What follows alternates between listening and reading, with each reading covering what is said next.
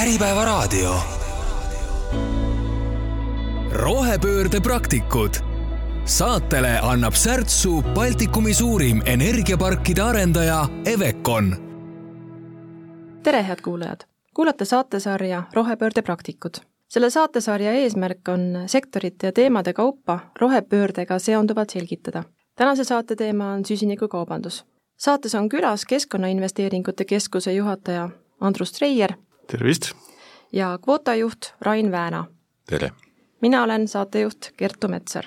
alustame päris algusest, et mis on mis? et mis on kohustuslik süsinikuturg ja mis on vabatahtlik süsinikuturg? kohustuslik äh, süsinikuturg on, on siis selline, kus, kus sellised suurema jalajäljega sektorid on kohustuslikus korras pandud fakti, et, et äh, tuleb siis oma süsiniku jalajälge, jälje eest äh, maksta Äh, see on selline süsteem, kus siis on antud riikidele teatud kvoodid ja, ja, ja kui nendest kvootidest siis puudu jääb, siis tuleb juurde maksta. ja, ja, ja noh, nii nagu me teame, et siis, siis meil põlevkivisektor ja põlevkivienergeetika on seal hästi palju seotud sellega, noh kindlasti võib-olla Eesti kontekstis ka betooni tootmine äh, ja, ja, ja muud sellised suuremad käitised äh, ja energia ja, ja soojusettevõtted näiteks suuremad, kes siis peavad kvooti ostma, kui nendel see jalajälg on suur. Ja, ja see on äh, riikidevaheline turg, äh, mis tegelikult oma mahult on, on täna kordades suurem kui vabatahtlik turg, et eks me nende numbrite juurde veel natukene tuleme ka, aga, aga, aga see on siis see, mille kaudu tegelikult suurem osa sellest jalajäljest riikide võetud kohustuste kontekstis peaks nii-öelda maandatud saama nii et äh, täna võib öelda, et see vabatahtlik turg ja, ja see riikidevaheline turg ei ole üks-ühele seotud, ehk et nii-öelda riigid jälgivad, arvutavad oma jälge natukene eraldi ja, ja need suured ettevõtted ja, ja vabatahtlik turg siis, siis tegutseb kõiges, mis sellest nagu väljapoole jääb. Ja, ja noh, osakaalu mõttes äh, võib öelda, et, et kuskil kakskümmend protsenti tänasest jalajäljest on siis nii-öelda see kohustuslik turg ja kusagil noh, natukene alla ühe protsendi on siis see vabatahtlik turg, kui maailma vaadata nii et suhteliselt väike, aga noh, ma usun jah, et eks me siin oleme nõus, et oluline osa kindlasti on ka sellel vabatahtlikul turul. Rain, palun kommenteeri sina siis praktikuna, et mida tähendab vabatahtlik turg äh, ettevõtja jaoks, mis võimalusi see annab, mis kohustusi tekitab? Andres ütles väga hästi, et vabatahtlik turg on täna veel väike, aga kui me vaatame kasvu ja võimalusi, siis ettevõtja jaoks annab see ääretult palju erinevaid võimalusi äh, saada ärieeliseid et äh, tänagi näiteks, äh, kui me räägime materjalitootjatega,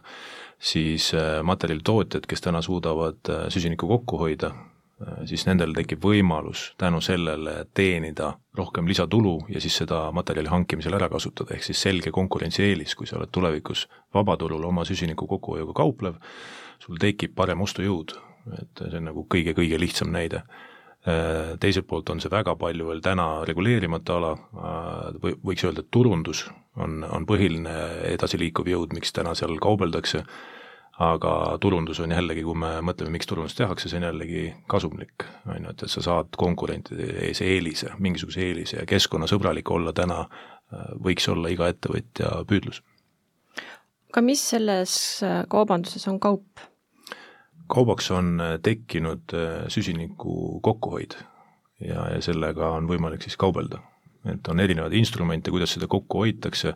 väidetavalt on täna ligikaudu üheksakümmend protsenti looduspõhised tooted nii-öelda, on ju, kus sinna alla kuulub siis metsa istutamine või metsa taastamine, sinna alla kuulub ka põllumajandus ja muu selline, Äh, ja siis on muud instrumendid nagu õhust kinnipüüdmine ja siis see, millega kvoota tegeleb, äh, materjalide taaskasutamise suurendamine ja sealt tekkiva süsiniku kokkuhoiu arvutamine. jah, et äh, eks ta, eks ta kuidagi niimoodi jaguneb, et, et siit tuleme natuke nende mõistete juurde ka, et, et üks on see nii-öelda ärahoidmine, vähendamine ja kinnipüüdmine, eks ole, et, et täna tõesti see,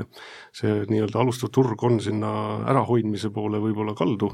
ja tulevikus noh, mulle tundub, et selline vähendamine ja, ja püüa kinni, ehk et see, mis juba siis nagu on õhku paisatud, et kuidas sellest lahti saada, on see tuleviku väljavaade. aga hästi, hästi nõus nagu jah, sellega, et tegelikult äh,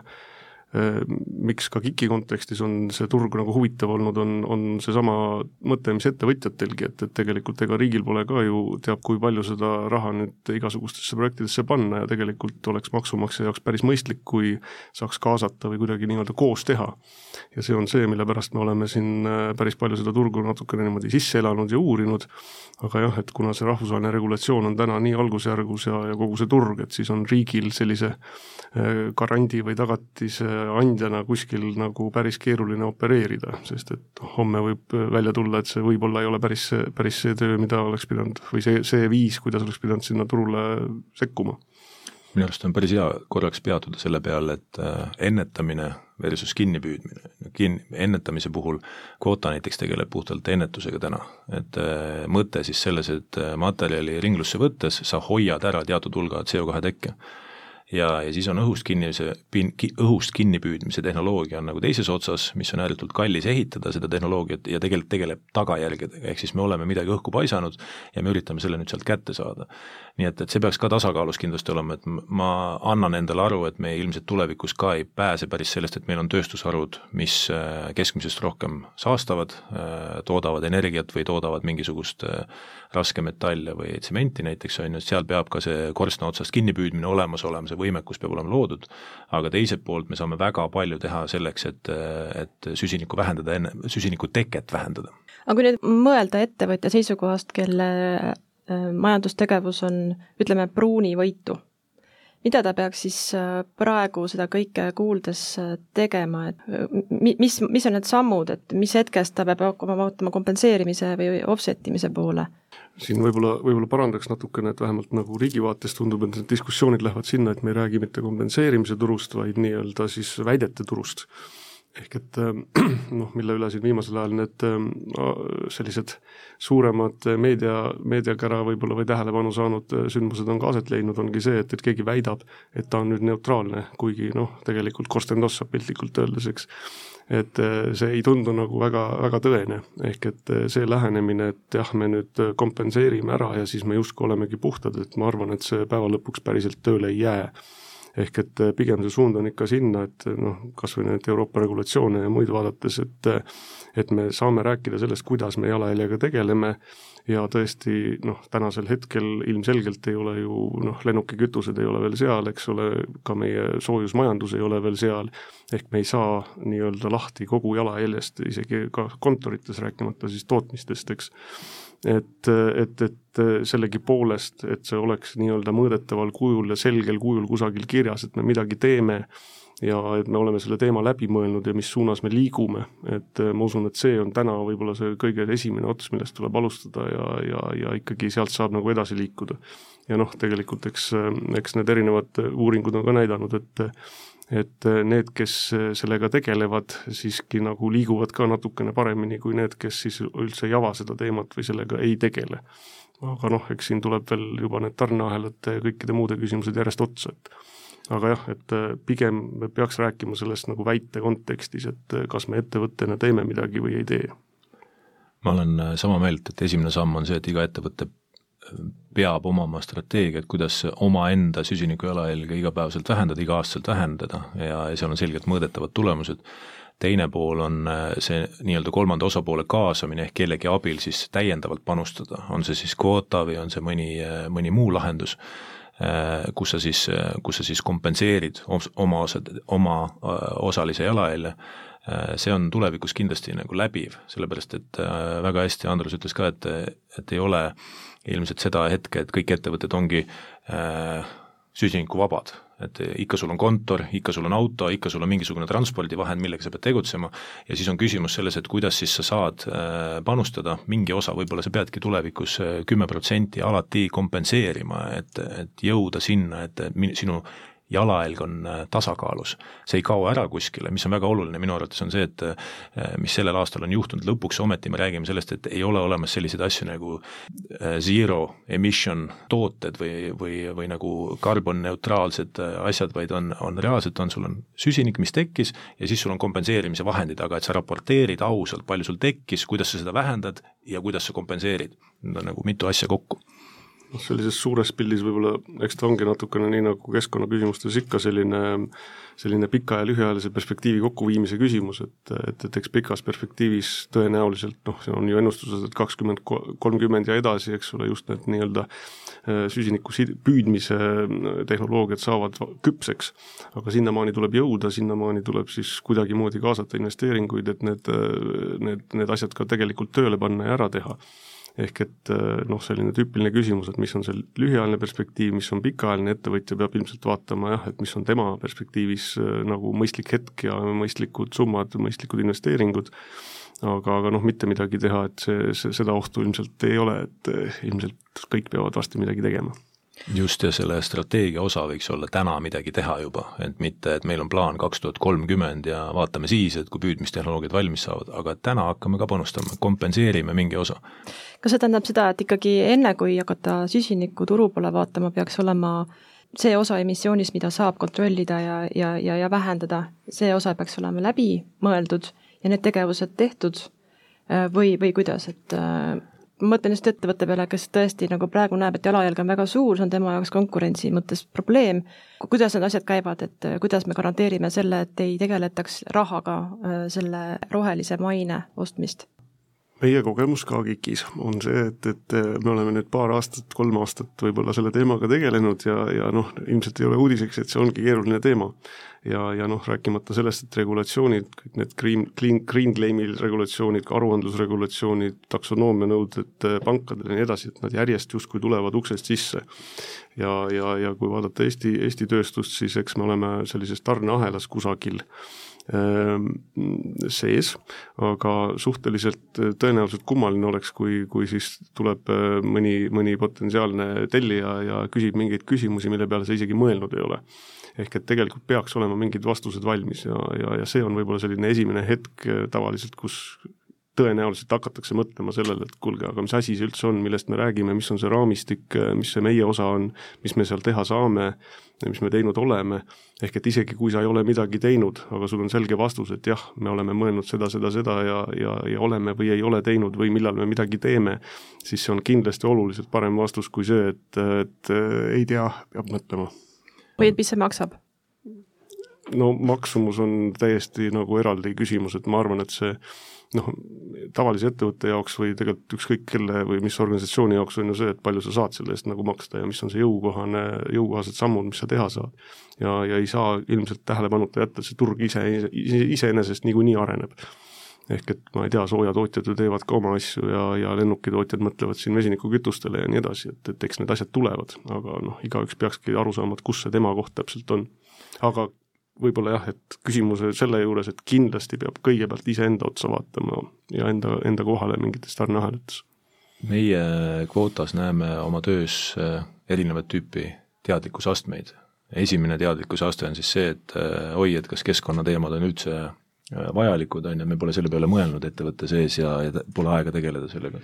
Teine tase on see, et jah, ma olen juhina teadlik, midagi peaks tegema, aga me ei ole veel midagi teinud. kolmas on siis see, et kuule, jaa, me mõõtsime ära, aga me ei oska edasi sealt midagi teha. ja neljas on siis see, et me mõõdame ja me võtame midagi reaalselt ette ka ja noh, viies tase siis on see, et meil on juba välja mõeldud see, et me enda osa oleme juba tänu roheenergiale või, või tänu mõnele muule meetodi juba viinud maksimaalselt alla ja näed, et me kompenseerime veel lisaks. Eesti ettevõtjad enamuses on seal esimeses kahes, on ju, et, et, et vau, et keskkonnateemad tundub, et on ikka olulised, peab hakkama mõtlema, on nagu väga paljud. aga, aga mida ma näiteks meie klientide kohta võin öelda, et nii mõnigi uus klient, kes meil on, et nad, nad on mõelnud keskkonnateemade peale, aga nad ei ole mõõtnud ja, ja siis nad noh, nagu kui, kui minuga rääkides, siis nad küsivad, et aga aga et noh, kust pihta hakata, ma ütlen, et hakka sealt pihta, mis on kergesti mõõdetav. näiteks transpordi jalajälg, ülilihtsasti mõõdetav. tee see korda kõigepealt, on ju, vaata, kas sa saad autod välja vahetada mingid ja vaata siis mingi osa võib-olla kompenseerid kvoota abil. et mõõdetavus on tegelikult palju lihtsam, eh, kui, kui enamus ettevõtted arvavad, et noh, see on ikka väga hästi kallis protseduur ja nii edasi, on ju, et, et enamus CO2 tekkekohti on tegelikult suht lihtsasti täna juba mõõdetavad just, et sellest mõõtmisest, eesmärgistamisest ja, ja kõigest sellisest hakkab see asi pihta ja, ja ja noh, ka KIK-i kontekstis mul on hea meel, et sellel aastal sai siis vastutustundliku ettevõtluse kuldtase saavutatud, millele tegelikult eelnes ka oma selline jalajälje raamistiku väljatöötamine, mõõtmine ja nii edasi, ehk et tegelikult täpselt sama küsimus oli ka meie organisatsioonis, et mis see jalajälg üldse on, mida me peaks tegema, mida me saame teha, mida me ei saa teha, noh näiteks äh, kui, kui ka arvuteid ja pilveteenust pakub keegi kolmas, siis tuleks ju tema käest küsida, et aga kust sa oma energia saad, eks ole, ja nii edasi ja kuidas sa neid arvuteid siis äh, vastutustundlikult äh, kasutad, nii et noh, igalühel on see jalajälg ja see seos kindlasti nagu olemas aga noh, ilma sellise süsteemse pildita ei ole sellel asjal mõtet ja kuna teema on keeruline, siis eh, pigem natukene mõelda, mis ei ole väga kallis tegevus, et, et ja siis, siis saab ka paika panna juba need kallimad tegevused järjest. aga kui me nüüd räägime sellest eh, nii-öelda kauba poolest, sa ütlesid, eks, et üheksakümmend protsenti sellest on see nii-öelda looduslik. täna kaubeldakse väga paljuski looduslikku. toode, eks ole kümme protsenti on siis muud äh,, muu, see on siis kas üks, üks äärmus õhust ja... kinnipüüdmine on ju, siis on mm -hmm. tegevused mingisugused äh, ja, ja noh, ka just kaubeldaval turul me räägime, on ju, ise, isetegevused ehk roheenergiale üleminek on ju, sellega täna väga palju enam ei kaubelda, sest see on juba nagu noh, nii-öelda äriosa, et sa pead üle minema selle peale. et kui me nüüd kirjeldame seda nii-öelda kauba tekkimist, mis asi see kaup üldse on ja kuidas see kaup ostja ja müüja vahel siis ära nii-öelda vahetatakse või realiseeritakse? kaubaks äh, tegelikult on äh, võimekus tekitada süsiniku kokkuhoidu. et see on kaup, võimekus tekitada süsiniku kokkuhoidu, äh, süsiniku emissioonide kokkuhoidu. ja, ja seda siis, kas sa teed seda enda tarbeks või sa teed seda müügiks. palun too paar näidet. hea näide on, ma oskan kõige paremini näiteid tuua kvoota najal. et meie eesmärk on materjalide taaskasutuse suurendamine ja juba ammu teaduslikult tõestatud erinevad standardid ka kirjeldavad sedasama, kvootastandard sealhulgas, et eh, kui sa suudad asendada esmase tooraine teisese toorainega tootmises, siis eh, see tekitab süsiniku kokkuhoidu. nüüd selle süsiniku kokkuhoiuga on sul nagu mitu võimalust, üks on see lihtsalt, et sa oled rõõmus selle üle, et sa võtsid materjali ringlusse ja, ja sa tegid juba midagi väga kasulikku. aga teine pool on see, et sa lased kellelgi kokku arvutada selle tekkinud süsiniku kokkuhoiu ja tekitad selle müügist endale lisakäibevahendeid. see on nagu üks näide, aga sama on ju tegelikult äh, metsa istutamine, põllu, põllumajandusmaa kasutamine süsiniku sidumiseks, äh, äh, õhust kinni püüdmine, täpselt sama, et sa suudad ära tõestada, et jah, ma püüdsin sada tuhat tonni õhust ust kinni äh, enda poolt soetatud seadmetega ja nüüd me võiks siis öelda, et see tekkinud kinnipüüdud osa on kaubeldav. tehnilises otsas ilmselt on, on, on seda mõnevõrra isegi lihtsam arvutada, eks ole, et kui me lähme metsa loodusesse, siis kõik teavad, et elurikkus ja ökosüsteemid on sellised peidetud asjad, mille, milles no, nii kompleksne süsteem, millest ilmselt inimesed väga lõpuni ei, ei, väga paljust aru ei saa.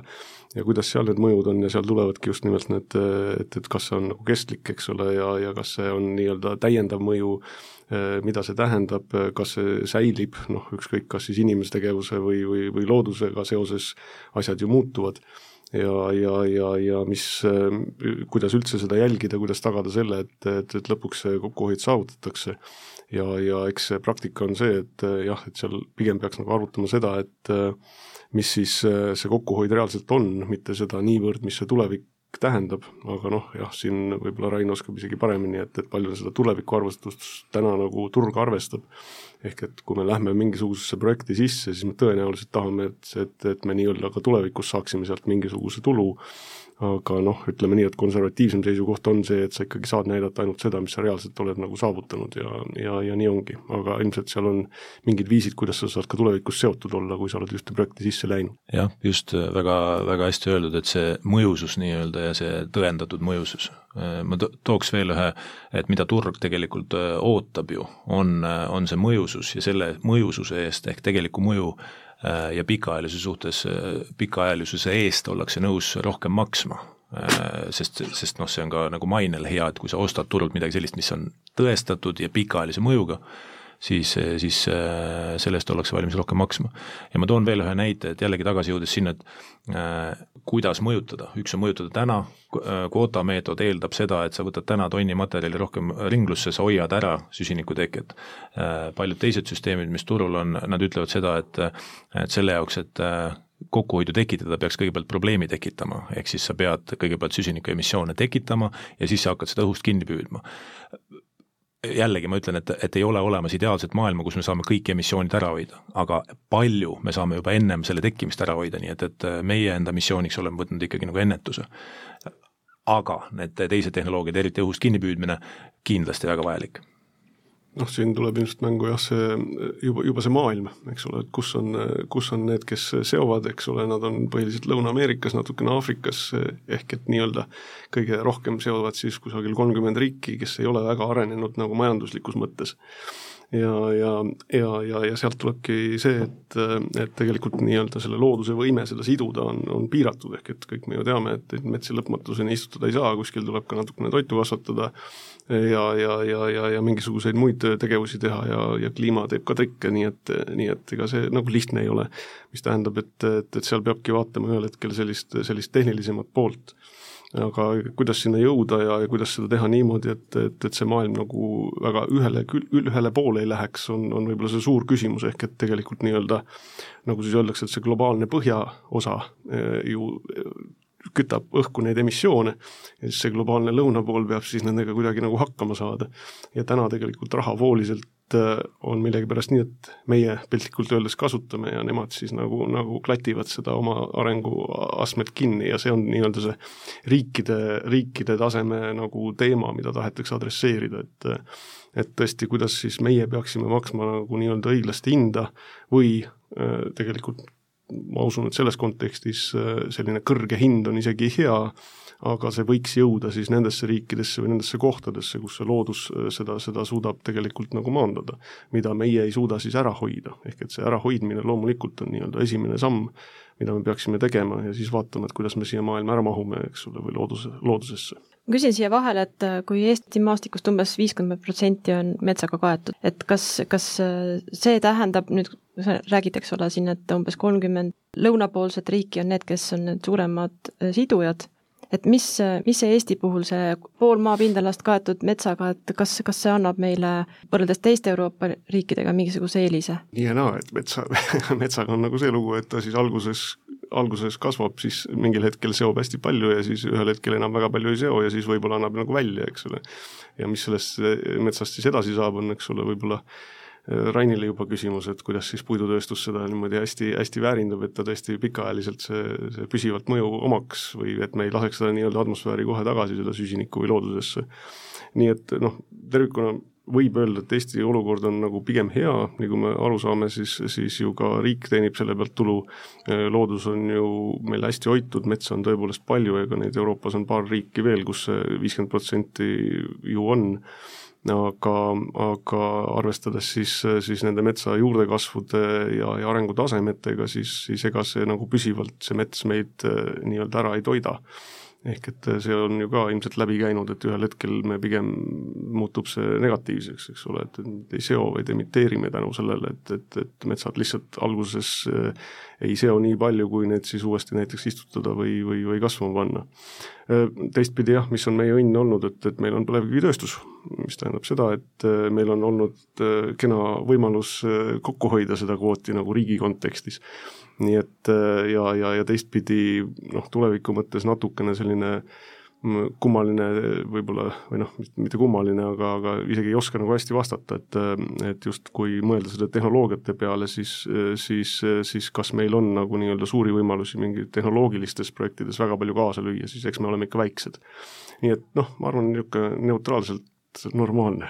on see Eesti olukord ma ikkagi küsin selle küsimuse ära, et kui see stamp arusaam on see, et kui mul on jalajälg, siis ma istutan metsa, kuidas te seda kommenteerite? see on selles mõttes triki küsimus, et siin tulebki mängu see lisanduvus, ehk et, et, et kui sa võtad metsa maha, istud uue metsa, kas siis nagu läks midagi paremaks, no tegelikult ei läinud. et, et ja, ja siin tuleb ilmselt ka just nimelt see, millest ma alguses nagu ütlesin, et see väite või kompenseerimise teema. ehk et, et loomulikult see on ju tegelikult väga hea, et sa nii-öelda hoolitsed metsa eest, eriti kui sa teed seda jätkusuutlikult, et seal oleks see loodusrikkus kuidagi rohkem tagatud ja neid tegevusi on hästi palju aga kuidas seda nüüd väga täpselt mõõta ja kas seda saab öelda, et homme on millegipärast sellepärast oluliselt parem, et ma nüüd eilse puu asemel istutan täna uue, siis noh, pigem ei ole. ja siin tulevad just need maakasutuse igasugused piirangud ka ette, et noh, jah, muidugi, eks ole, et meie soode taastamine ja, ja, ja, ja teatud niidud ja nii edasi, et, et see kindlasti aitab sinna kaasa, aga see ei ole see, mis selle maailma nagu teistpidi keerab. nii et sellega peaks nagu, nagu arvestama. ehk võib-olla sõnum nii-öelda ettevõtetele olekski see, et, et olge nagu ettevaatlikud nende väidetega tegelikult. et hästi hea, kui need arvutused on taga, aga noh, millest need probleemid ongi tekkinud, et pärast tuleb välja, et selle koha peal võib-olla see mets päris selline ei ole või see oli seal enne ja, ja homme on samasugune, et kas siis tegelikult maailm on parem, et noh, võib-olla ei ole ma lisaks siia kvoota vaatest just juurde, et tegelikult kui sul on jalajälg, siis äh, elementaarne on, et äh, sa mõtled, kuidas seda vähendada ja teine pool, kui sa kõike ei suuda ise vähendada, täna sõidad autoga, siis võiks olla elementaarne juba alates homsest, et selle osa ma kompenseerin. näiteks kui mõelda teenuse lihtsuse peale või kui lihtsaks saab kompenseerimist teha, on ju, et üks eurosent äh, kilomeetri kohta annab sulle võimekuse taaskasutada piisaval hulgal materjale, et äh, sinu süsinikuheide on kompenseeritud, see ei kadunud ära kuskile, sa ikka sõidad diiselautoga, aga sa vähemalt andsid keskkonda sama palju tagasi, kui sa tekitasid. et sa oled nagu balansi mõttes nullis, aga loomulikult järgmisena sa peaksid sõitma mingi autoga, mis tekitab vähem heitmeid, nii et üks euro sent kilomeetri kohta ei ole palju, aga annab sulle selge hoova, kuidas mõjutada materjalide ringlussevõttu näiteks. kuidas sina, Andrus, seda mõtet kommenteerid? Ega siis selline keskkonnateemad ja kliimateemad ongi sellised, kus, mis sõltuvad väga väikestest tegudest, mis kokku annavad mingisuguse suure, suure mõju ja, ja, ja kindlasti ütleme, see käitumisharju, harjumused ja muu selline, et noh, ma ütleks, et isegi see Tallinna kesklinna olukord on ju päris, päris hea selles mõttes, et minagi sõidan kindlasti rohkem trammiga täna kui, kui autoga, eks ole, tänu sellele. ehk ma teen mingisuguseid valikuid, kui, kui teha ebamugavaks need valikud, mis on siis kuidagi ebaõiged nii et, äh, nii et kindlasti see käitumisviiside, mõttemallide, lähenemiste muutus on, on selline, mida tegelikult mis iganes graafikut vaadata, siis, siis nende mõju nii-öelda selle süsiniku jalajäljele on, on kindlasti hästi nagu suur. et noh, ütleme see, et kuidas see rahanumber sinna külge panna ja, ja, ja, ja nii edasi, see on juba nagu natukene järgmine küsimus aga ma usun, et samm-sammult, eks need mudelid siin nagu täpsustuvad ja nii edasi, et,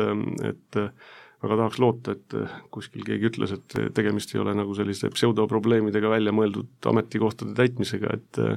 et eh, tegelikult nad on mingis suuremas protsessis kõik vajalikud, ka need igasugused mudelid, mis täna võib-olla öeldakse, et eh, nii ei toiminud või noh, kas või see Verra, Verra, kes ju ütles, eks ole, et nüüd vaatab oma mudelid ümber pärast umbes viieteistaastast tegelemist, eks ole, selle teemaga. ehk ta ongi hästi keeruline teema ja, ja, ja, ja selles mõttes peaks nagu jah mõtlema, ehk et iga sent kindlasti on nagu abiks ja kasuks selles suures protsessis. aga kas sellega saab nüüd öelda, et ma, mina muutsin maailma, et siis noh, see on võib-olla veidi ambitsioonikas väide. Jah, ja mulle meeldib see, et väiksest asjast hakkab pihta, meil on näiteks tootjaid erineva kaliibriga, üks tootja ütleb, et äh, vau, et me suudame järgmine aasta sada tonni materjali rohkem ringlusse võtta, neil on endal nagu sisemiselt suur äh, koosolek sellel teemal, kui äge see on, ja teine ütleb, et, et noh, me ei hakka sellega tegelema, sest me ei suuda viitesadat tonni ringlusse võtta, me ei viitsi tegeleda, see on nii väike meie jaoks, on ju. et, et nagu suhtumise küsimus, aga iga asi hakkab väiksest asjast pihta, mõttemalli muutus pigem hakkagi väiksest pihta. ja, ja nii mõnegi tootja puhul, kellega me koostööd täna näeme, teeme, me oleme näinud seda, et alguses on nagu vastumeelsus, et noh, miks me peaks raporteerima seda üldse ja noh, noh, kelle asi see on ja materjali taaskasutamine on keeruline, aga pärast tekib nii sisse kui väljapoole niisugust väga positiivset kommunikatsiooni, sa hakkad eristuma oluliselt oma konkurentidest ja, ja töötajatel ka nagu niisugune lojaalsuse aspekt tuleb juurde ja nii edasi. nii et noh, keeruline valdkond, aga jube lihtsasti teostatav väikeste sammudena siin võib-olla ongi kohane sellest aruandlusest nagu rääkida, et, et ilmselgelt Euroopa Liidus järjest rohkem jõustatakse ja kogu maailmas aruandluse nõudeid mis eh, noh, on natukene võrreldav võib-olla finantsaruandlusega üheksakümnendatel, et, et alguses ka ei saanud aru, et, et võib-olla see raamatupidamine enam ei olegi nii loominguline, kui ta enne oli, eks ole, ja pandi reeglid paika, siis noh, vaadates tänaseid ESG aruandeid, siis eks nad on ikka sellised, et ega sa väga täpselt aru ei saa, mida siis keegi teeb või ei tee, eks ole.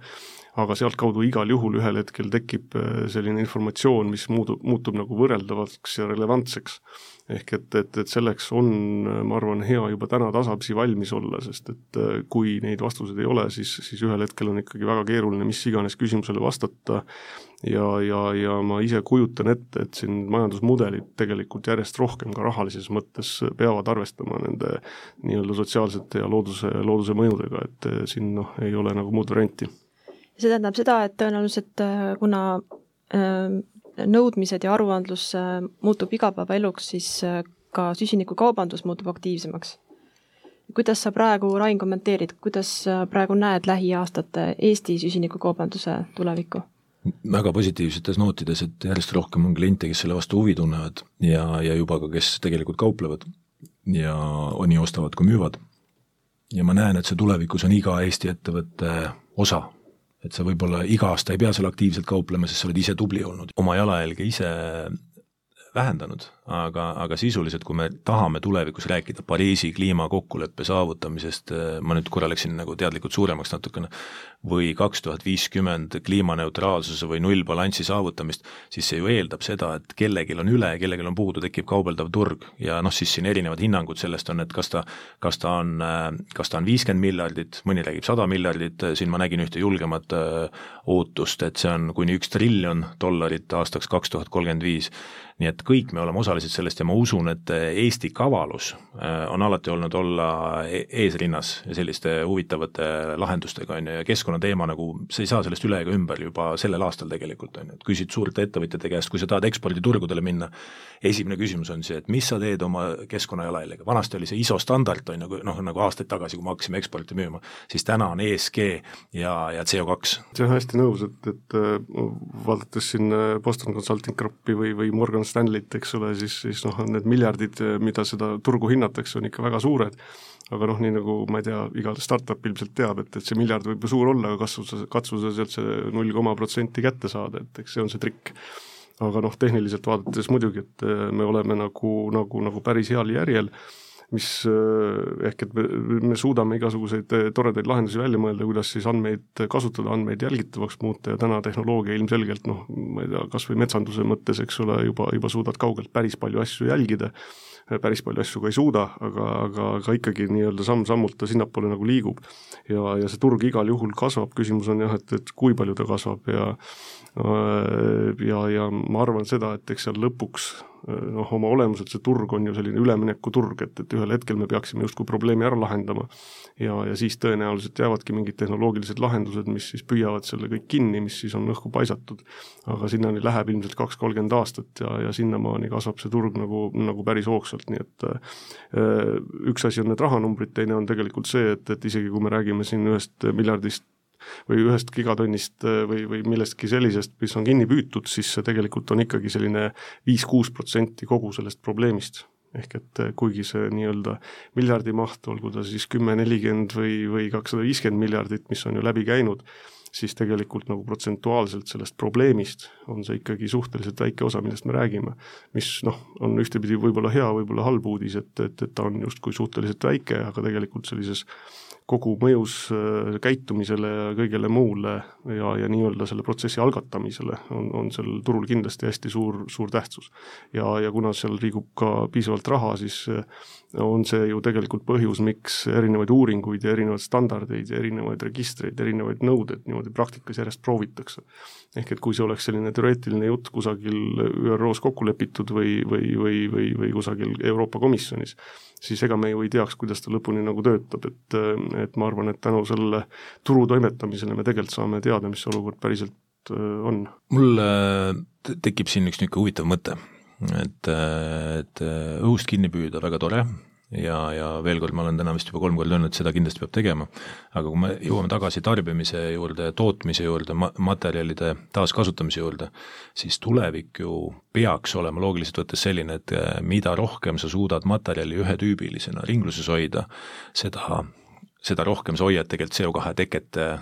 ära, ehk sa lükkad seda kogu aeg edasi, sedasama toodet ei ole vaja uuesti toota. ja vot see võiks olla nagu osa ärieetikast tulevikus ka, on ju, siin noh, ma tean, Toyota näiteks räägib, et, et minu arust on aastaks kaks tuhat kakskümmend viis, nad ütlevad et, et üheksakümmend viis protsenti nende autost peaks olema materjalina ringlusse võetav. On ju, ja noh, see, see on tegelikult tulevik ja siis sa äh, seda CO2 iseenesest juba tekib oluliselt vähem, sellepärast et sa suudad seda to-, toodet samal kujul ringluses hoida, ehk siis seda, ka seda süsinikku seal sees äh, hoida. ja lõpuks, kui sa pead ta siis prügisse panema, noh, siis loogiline oleks ju see, et sa pead kuidagi selle hüvitama jälle, on ju, et, et sa pead nagu siis äh, mingil viisil, kas see on siis CO2 äh,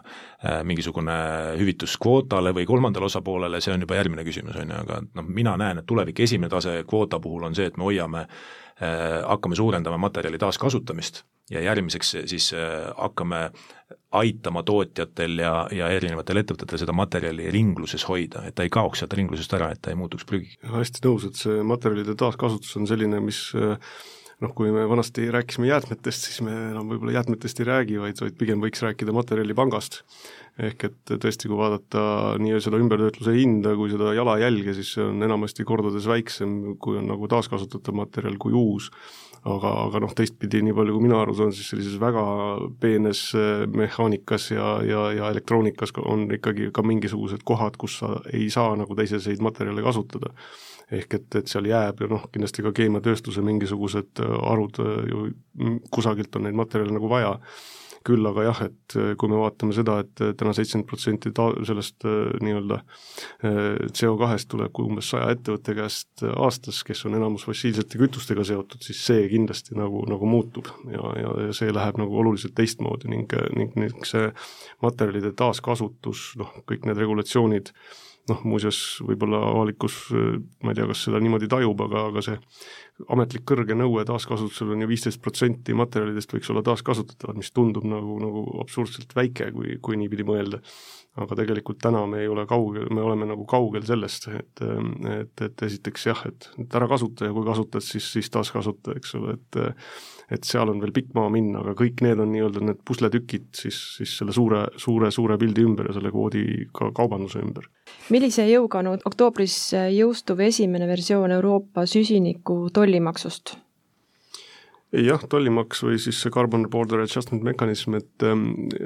ta kindlasti on suure jõuga ja aga ma ei oskagi öelda, kas nüüd tingimata iga üksiku elaniku või ettevõtte vaates, aga kindlasti suuremate ettevõtete vaates küll, et, et kui sisse tuua siis mingeid ehitusmaterjale või või, või, või energiat või siis noh, näiteks väetiseid mis kindlasti on Eesti kontekstis oluline, äh, mingitest riikidest, kus selle CO2-ga ei ole tegeldud, siis, äh, siis nii-öelda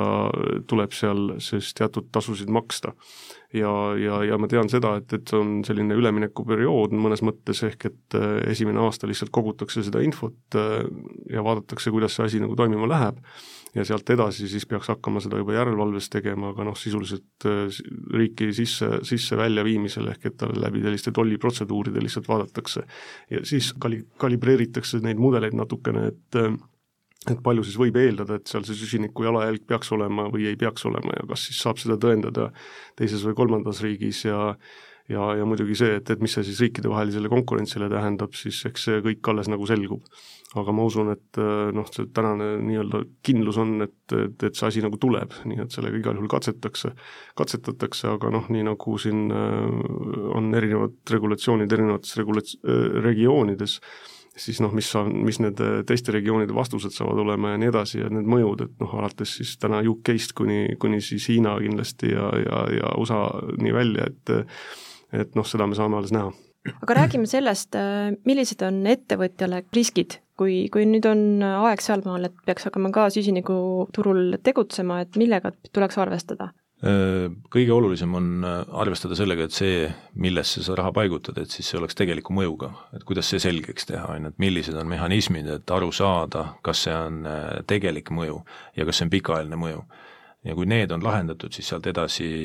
noh, tuleb lihtsalt enda jaoks selgeks teha, et milline valdkond sinu jaoks on nagu või sinu ettevõtte jaoks on nagu kõige vastuvõetavam, on ju, et kas see on materjali taaskasutus, looduspõhised tooted, õhust kinnipüüdmine. ja veel kord, ma alati rõhutan seda, et alustada tuleb iseendast, on ju, et, et ikkagi vaadata endal ka masinapark üle, on ju, vaadata üle, millist moodi me toodame, mis kütuseid tarbime ja nii edasi. et see kõik peab paralleelselt käima. aga põhiline risk on selles, et ostad mingi toote, millel ei ole tegelikku mõju või ei ole pikaajalist mõju ja seda ei suudeta tõestada või seda ei suudeta tagantjärgi kontrollida. aga mis, mis siis, mis on need garandid, et mis see toote garantii on?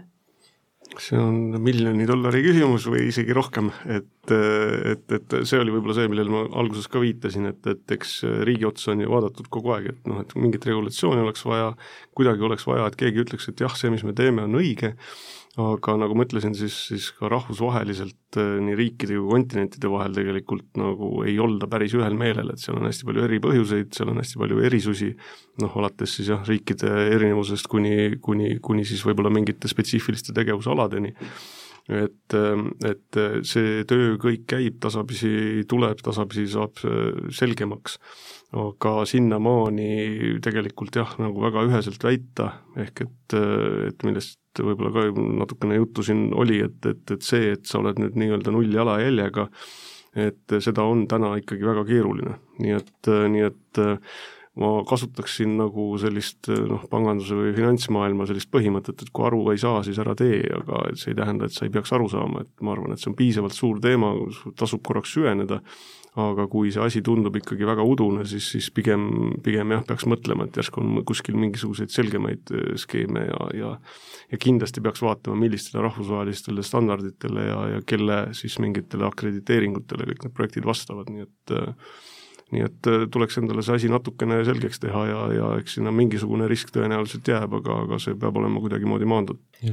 Ja, nagu ma aru saan, siis äh, see, kui on loodusmängus, eks ole, et see, et kuidas seal garanteerida siis see, et see, ma ei tea mm., see, see keskkond sellisel moel mingi X arv aastate jooksul veel alles on? no seda ei saa, tea-, teatavasti seda ei saa garanteerida, aga seda siis garanteeritakse erinevatel viisidel, et seal on sellised ähm, agregeerijad, on üks, ühed turuosalised, kes siis nii-öelda panevad kokku portfellide, portfelli erinevatest projektidest ja arvutavad siis sinna sisse teatud riskimäärad ehk et kui tõesti teatud tormiga mingites regioonides nii-öelda kogu maakasutus oluliselt muutub, siis, siis noh, need ülejäänud projektid katavad selle sisuliselt ära. Kindlasti on seal erinevates projektides ka erinevad kindlustajad, kes kindlustavad siis erinevaid riske, noh, mis, mis võib-olla ühel hetkel võib viia natukene sellise krediidi Äh, turu sellise süsteemsema riskini, eks ole, et lõpuks ei saa keegi aru, kes mida siis kindlustanud on ja kus need riskid nagu täpselt on, aga seal igal juhul nagu tegeletakse sellega, et need, need riskid oleks. aga kindlasti on need kriitilised küsimused, mida tasub nagu küsida, ehk et kui sa lähed nagu ühte väikesesse projekti sisse,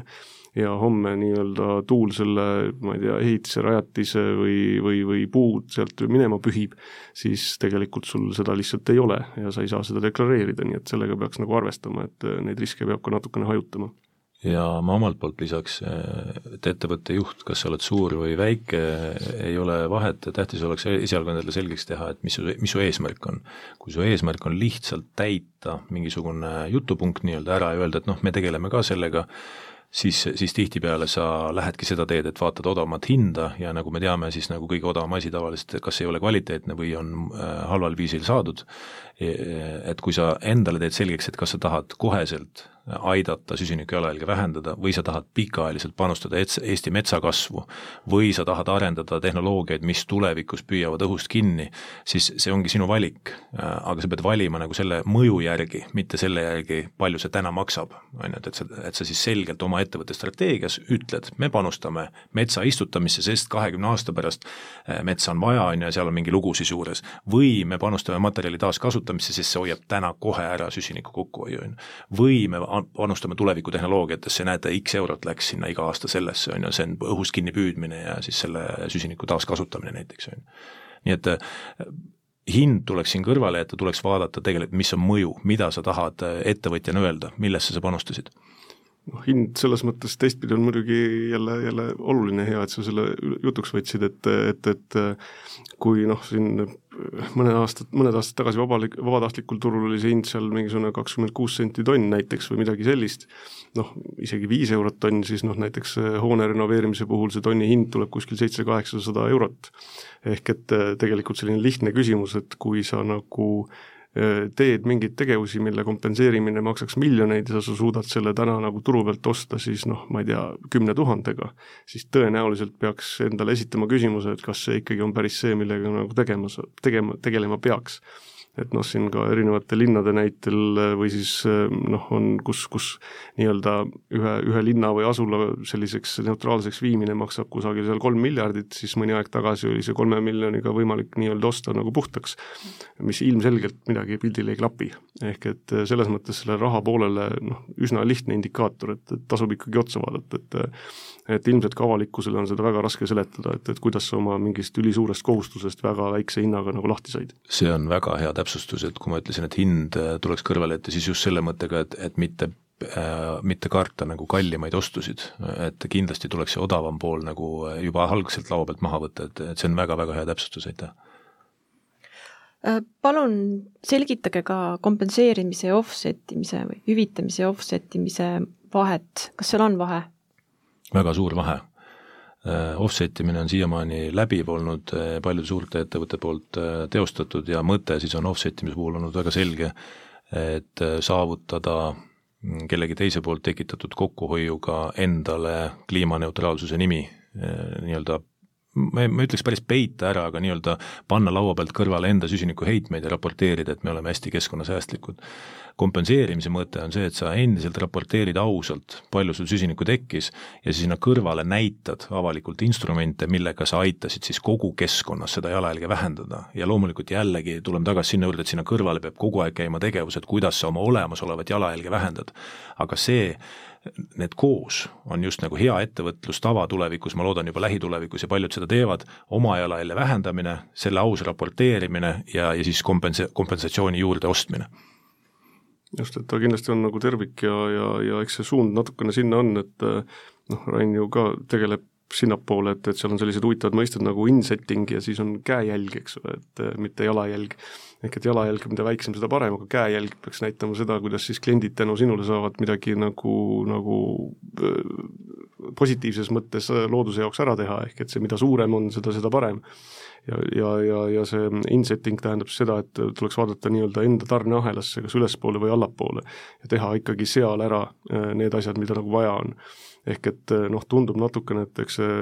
niisugune retoorika või, või, või, või suhtumine läheb ka sinnapoole, et, et noh, et ega me ei saa siis nagu aafriklaste eest nagu nende, nende asju korda teha või et nemad ei saa siis nii-öelda meie asju korda teha, et tegelikult peab ikkagi vaatama nagu lähedale ja, ja siin need asjad ära tegema ja, ja mõtlema, mida siis saab teha, mida ei saa teha ja mis on siis nagu nii-öelda see vaheetapp kuskil üleminekul, nii et et äh, ikkagi enda juurest tuleb alustada. palun äh, andke ettevõtjatele üks-kaks soovitust ajaks, kui süsinikuga kauplemine on aktiivsemaks muutunud. üks soovitus tulevikuks ja üks võib-olla tänaseks ka, kui tohib. Äh, tuleviku soovitus see, et kindlasti osale sellel turul ja, ja leia parimad instrumendid enda, enda jaoks, leia nõuandjad, kes sulle näitavad, millist süsiniku kokkuhoidu endale soetada ja teine pool loomulikult hoia enda jalajälge kontrolli all ja katsu olla turu parim alati sellega, et nagu teistele eeskujuks pigem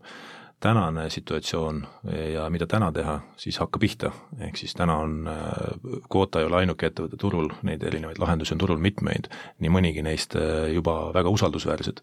ja nagu ma alguses ütlesin, siis see hakkab pihta näiteks üks euro sent kilomeeter, see ei ole nüüd väga suur kulu, on ju, aga see annab tootjatele, materjalitootjatele juba märkimisväärse lisatulu, nii et, et see, veel kord rõhutada see, et noh, paljud räägivad, et kaks tuhat kolmkümmend ja vaatame, mis sealt edasi saab ja meil on plaan ja täna ei oska ja see on palju lihtsam, kui sa arvad, on lihtsalt vaja korraks internet lahti võtta, leida paar nõuandjat üles ja hakka pihta. jah, ma olen selles mõttes nagu nõus, et, et, et kindlasti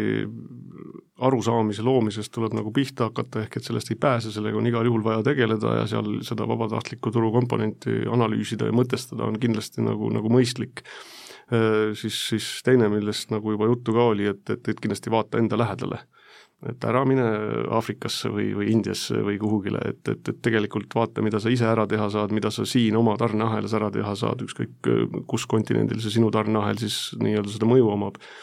ja, ja, ja kindlasti esimene mõte peaks ikkagi olema see vähendamine või püüda kinnipüüdmine, et ma ei panustaks ka liiga palju võib-olla selle ärahoidmise peale, et, et noh, et me nüüd siis homme kuidagi äh, käitume teistmoodi ja siis lihtsalt läheb maailm paremaks iseenesest, et iseenesest see ei juhtu, nii et tuleb pihta hakata. selline sai seekordne rohepöörde praktikute saade. teemaks oli süsinikukaubandus ja külas olid meil Keskkonnainvesteeringute Keskuse juhataja Andrus Treier ja Kvota juht Rain Vääna. mina olen saatejuht Kertu Metsar. Kuulmiseni kuu aja pärast